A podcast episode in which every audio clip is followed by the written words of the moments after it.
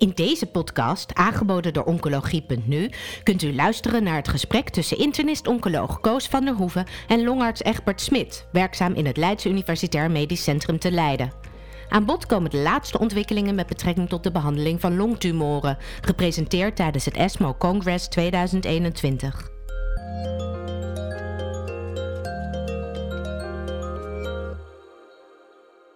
ESMO 2021, Parijs, longkanker. Ik ga erover praten met professor Egbert Smit, uh, longarts, oncoloog. Die titel bestaat nog niet officieel, maar die zou er misschien wel moeten zijn. Welkom Egbert. Allereerst, jij bent als een van de weinigen in Parijs zelf. De rest uh, zit achter zijn laptop. Ja. Hoe komt het dat je in Parijs zelf bent? er zijn ongeveer 240, ik begrijp dat er ongeveer 240 mensen lijfelijk aanwezig zijn in Parijs. Ja. En dat zijn allemaal mensen die iets presenteren. Dus het is een uh, zogenaamde hybride meeting, maar het ene pootje is wel ontzettend klein. Dat wil zeggen van de mensen die hier zijn. En die presentatie die je doet, is dat uh, eigen onderzoek of is dat iets anders? Nee, het is een samenvatting van de dag. Het eigen onderzoek ging, uh, um, waar ik heel veel aan gedaan heb, dat komt wellicht nog ter sprake. Dat was de Destiny Lung 1. Die is hier ook in een uh, oorlog gepresenteerd. Ja, daar ga ik dadelijk iets over vragen. Meestal zeg ik waar de mensen werken. Ja. Dat heb ik bij jou niet gedaan. Is daar iets over te melden? ik werk sinds uh, 15 september um, op de afdeling longziekten van het Leids Universitair Medisch Centrum. Oké, okay. en, en niet meer in... En, nog, en ja. nog een klein beetje in het AVL. Oh, Oké. Okay. Nou, dan gaan we het hebben over de, de belangrijkste highlights op het gebied van longkanker um, tijdens de ESMO. Klopt het dat er dit jaar niet zo veel was als andere? Nee, klopt. Ja. We zijn niet zo spannend. Dat had volgens mij ook met de ambiance te maken. Ja. Als je met uh, tien mensen in een grote zaal zit, bij wijze van spreken, dan is de spanning toch heel anders dan uh, uh, wanneer dat duizend of vijftienhonderd zijn. Dat is één. En twee is, er was niet zo verschrikkelijk veel nieuws. Nee. Nou, als je goed kijkt, dan vind je altijd toch wel weer spannende dingen. En ik wilde beginnen met je te spreken over bevacizumab. Ja. Wordt al, heeft al langer een, een beperkte plaats bij het, uh, de behandeling van het gemetastaseerde longcarcinoom. Maar het ging nu over de toevoeging van bevacizumab over, aan een EGFR-remmer. Ja. En de eerste studie die ging over erlotinib met of zonder bevacizumab. Ja. Wat kan je daarover vertellen? Nou, ik, um, toevoeging van uh, VEGF-remmers aan uh, EGFR-tyrosine kinase-remmers heeft al een wat langere historie in, uh, in, long, in longkanker. Het begon eigenlijk ermee dat er een Japanse studie was waarin duidelijk werd dat de toevoeging van bevacizumab aan erlotinib de progressievrije overleving uh, heel veel verlengde. Ja. Uh, maar zij konden eigenlijk niet een goede uitspraak doen over de effect op overall survival. Dus twee keer gepresenteerd op ASCO. Ja. En de studie die door een Italiaanse groep werd gepresenteerd. Ja. Die, ja, die, als het, die reproduceerde eigenlijk, probeerde eigenlijk dat te reproduceren. Ja. En ehm, de uitkomst was eigenlijk dat er is een effect op de progressievrije overleving, maar er is geen effect op de overall survival. Maar de verschil in progressievrije overleving, dat was dat vrij groot. Hoe, ja. hoe, welke orde van grootte? Uh, dat moet ik even precies voor jou nakijken. Uh,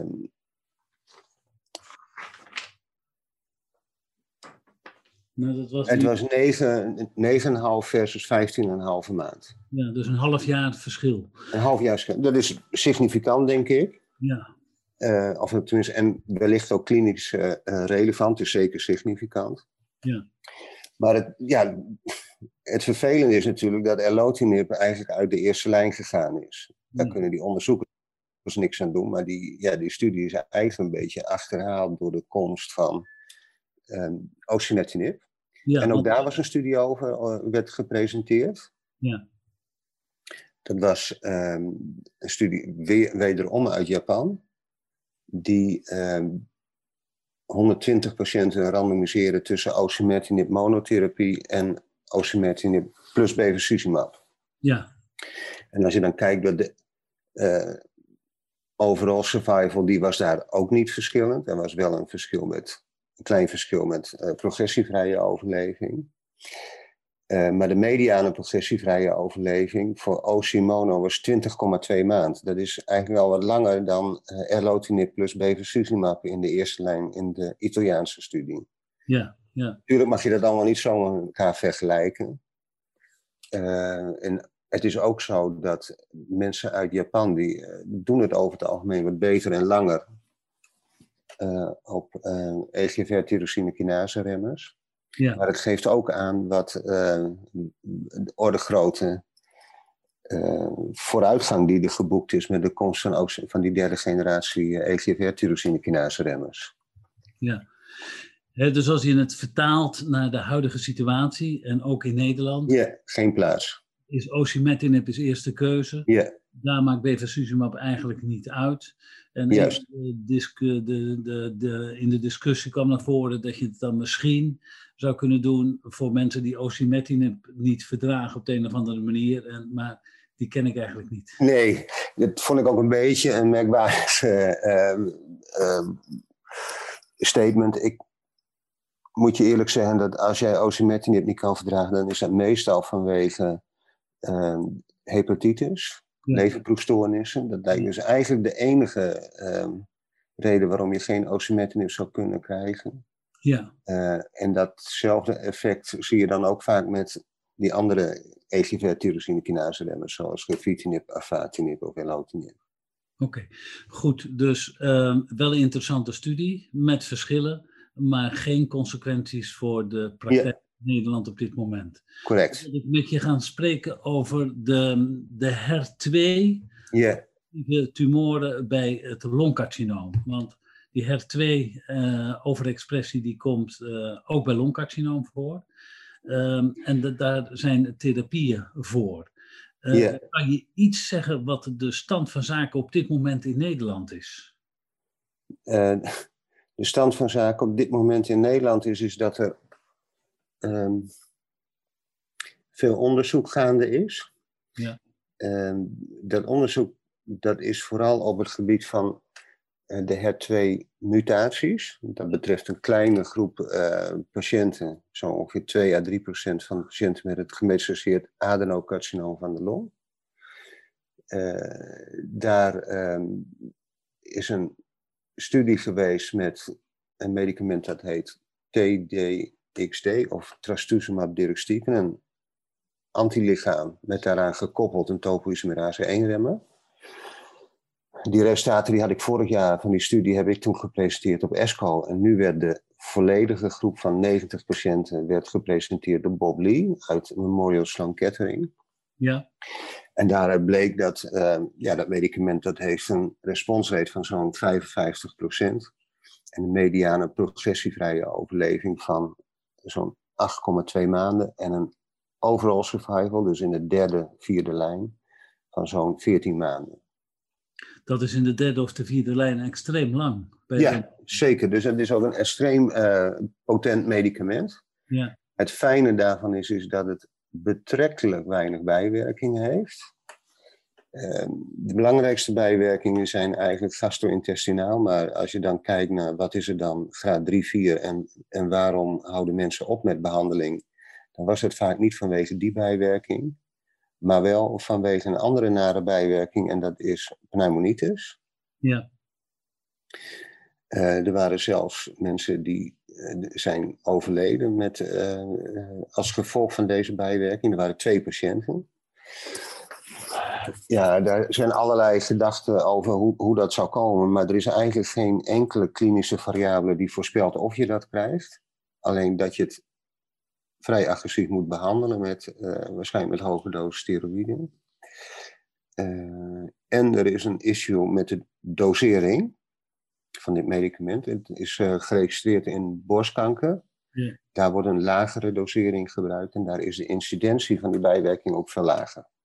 Dus het lijkt in ieder geval iets te maken hebben met de dosering en daarom wordt er nu onderzoek gedaan. waarin de dosering van die in de gerapporteerde studie is gebruikt, wordt vergeleken met een lagere dosering. In de hoop dat die bijwerking minder voorkomt. Nog een paar dingen. Je zei, deze studie is gedaan bij HER2-mutaties. Correct. Er zijn ook patiënten die een HER2-overexpressie Ja, dat is, die is gerapporteerd uh, door uh, een Japanse onderzoeker. Die, in die Destiny Lung 1 daar waren eigenlijk twee cohorten. Eentje met een HER2-mutatie en eentje met een HER2-overexpressie. dat wil zeggen immunohistochemisch bepaald. En in dat cohort, dat is vorige keer op het WCLC, uh, Wereldlongkankercongres, uh, behandeld, is de responsrate 25%. Dus dat is meer dan gehalveerd. Ja, ja. Maar ook in een latere lijn, 25%. Ja, zeker. Maar um, natuurlijk kijken mensen altijd met een scheve oog naar dat andere succes. En dan is altijd de vraag, ja, maar hoe komt dat dan? Ja. Dat het zoveel lager is in de ene groep uh, als vergelijking met de andere groep. Want gebaseerd op het uh, mechanisme waarop het medicament werkt, namelijk het gebruikt het eiwit, het gebruikt HER2. dat is een soort uh, Trojan horse, om het zo maar te zeggen, een Trojaans paard, om, om de chemotherapie binnen te brengen. Ja. Hoe zit dat dan? Nou, um, weten we eigenlijk niet precies. Waarschijnlijk is het zo dat uh, het eiwit sneller een, een, snellere cyclus heeft op de celoppervlak bij die mensen met een HER2-mutatie. Dat is één. En dan komt er dus per saldo meer medicament naar binnen. twee zou kunnen zijn is dat als, dat, uh, als die kanker echt afhankelijk is van HER2-signalering en je onderbreekt dat, dan zou dat nog een extra effect hebben. En dat is wel bij die mensen met een mutatie zo en waarschijnlijk niet zo bij die mensen met overexpressie alleen. Ook daar gaat verder onderzoek naar gebeuren. En dat medicament dat zal uh, ongetwijfeld in eerdere lijnen ook getest worden. Maar op dit moment eigenlijk in latere lijnen toch al, zeker bij de twee gemuteerden, echt een, een indrukwekkend succes. Ja. Het middel is geregistreerd bij borstkanker. Correct. Ook onderzoek gedaan bij andere tumoren, waaronder het colorectale carcinoom. Ja. Uh, ik kan me voorstellen dat er toch mensen in Nederland en artsen in Nederland hiervan horen is er nou een optie voor deze patiënt om ja. te krijgen? Ja, dat kan. Dan moet je ze verwijzen naar een centrum waar ze uh, meedoen met dat onderzoek. Okay. Dat is een vrij groot onderzoek en dat zal ook nog wel even duren. Uh, de verwachting is dus dat het medicament eind dit jaar geregistreerd gaat worden in de Verenigde Staten. Nou, dan, kun je, dan duurt het ongeveer nog een jaar voordat het in Europa geregistreerd wordt. En dan nog een jaar voordat wij het vergoed krijgen. Dus over een, over 2,5 jaar of zo schat ik in dat dat verkrijgbaar is. En tot die tijd is het uh, uh, ja, behelpen in de zin van uh, deelnemen aan studies. Ja, je moet er naar zoeken, maar ja. er zijn opties voor deze patiënten in Nederland. Zeker. En de kan... Een ander, ander medicament wat een Nederlands tintje had, was poziotinib. Dat is al een tijdje. Dat is een ja. oraal beschikbare tyrosinekinase remmer. Ja. Van EGFR eigenlijk. Of van, van de her familie-eiwitten eigenlijk, waaronder HER2. Ja. En Robin Cornelissen uit het Erasmus MC, die presenteerde data over een cohort patiënten, uh, ik meen 48, die uh, behandeld zijn met uh, poziotinib. Ja. Dat middel dat heeft ook een fatsoenlijk responspercentage. Ja. Eigenlijk is het zo dat het 95% confidence interval van die responsrate valt binnen die van uh, trastuzumab deruxtecan. Ja. De aantekening die je daar even bij moet maken is dat wat uh, Robin Cornelissen presenteerde was eerste lijnsbehandeling. Ja. En dat andere was derde lijns of vierde lijnsbehandeling. Ja. Dus dat, met die uh, aantekening moet je daarbij maken. Het, nadeel van dat medicament is uh, dat het significante toxiciteit heeft. Met name ehm, uh, huidtoxiciteit en uh, diarree. En ja. natuurlijk zeggen we allemaal manageable. Maar uh, als je het allemaal bij elkaar optelde, dan had ongeveer 100% van de mensen had graag drie toxiciteiten erger. Dat is dus wel heel veel. Heel veel. En ook dat hebben de onderzoekers zich aangetrokken. En ja, die gaan nu kijken naar alternatieve doseringsschema's. Hier werd een dosis van 1 keer 16 gebruikt, milligram.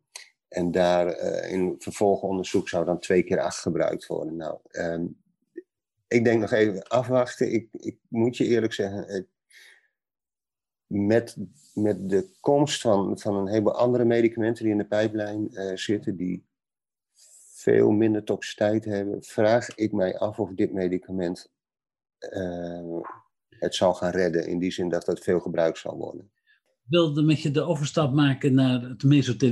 Dat komt veel minder vaak voor, maar daar is uh, de afgelopen twintig jaar niet zo heel erg veel verbetering verkregen. Maar immunotherapie heeft daar nu een plaats toch gekregen. Ja. Het is al een beetje bekend dat de combinatie van ipilimumab en nivolumab effectief hierbij is.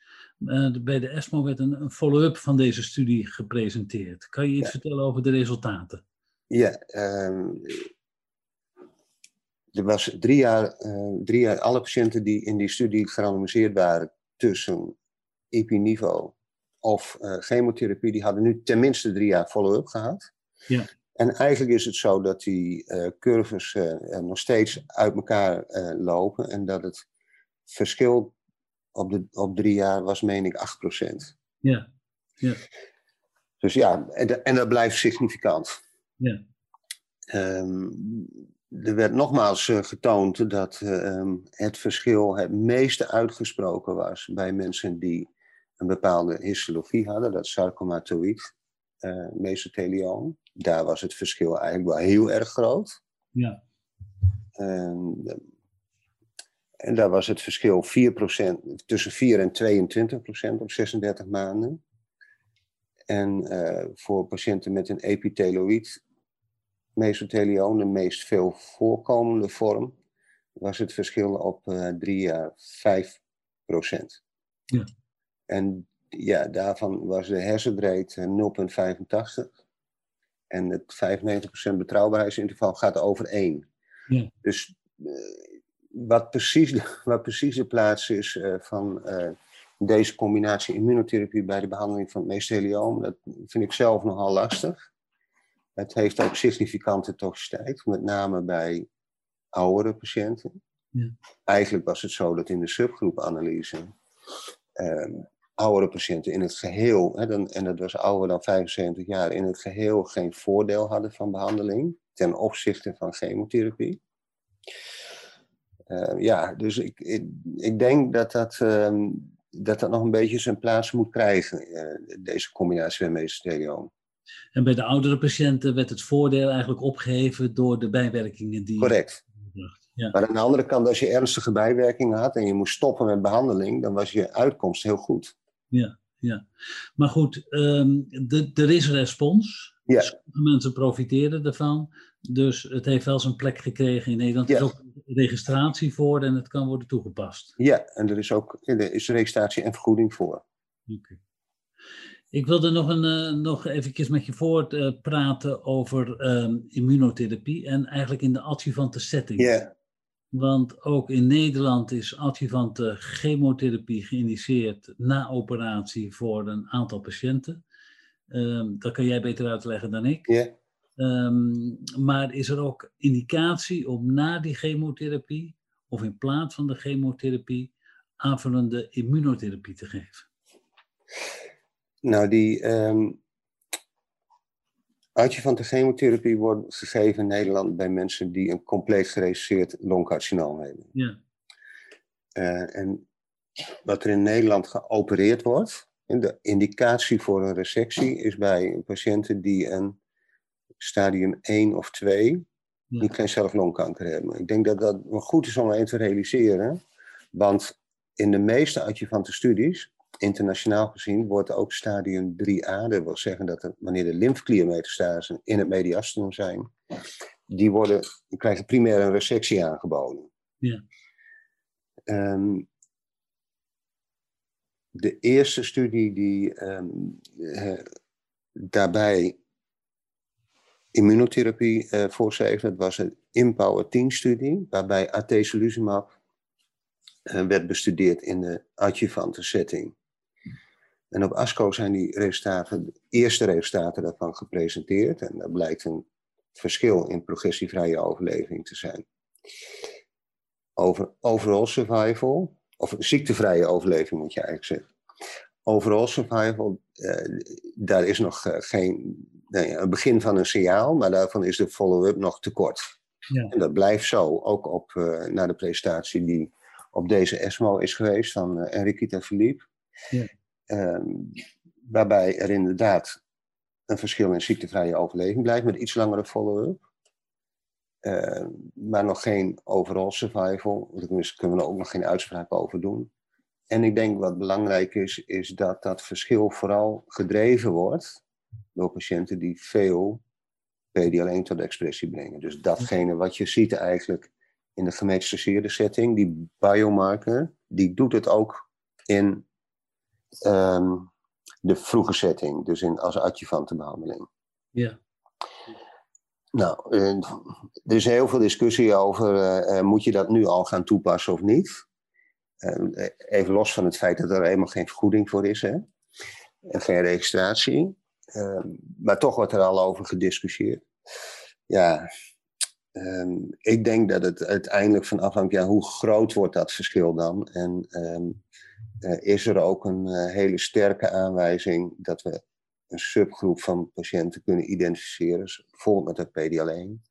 Of nou, er zijn allerlei andere gedachten hoe je dat zou kunnen doen.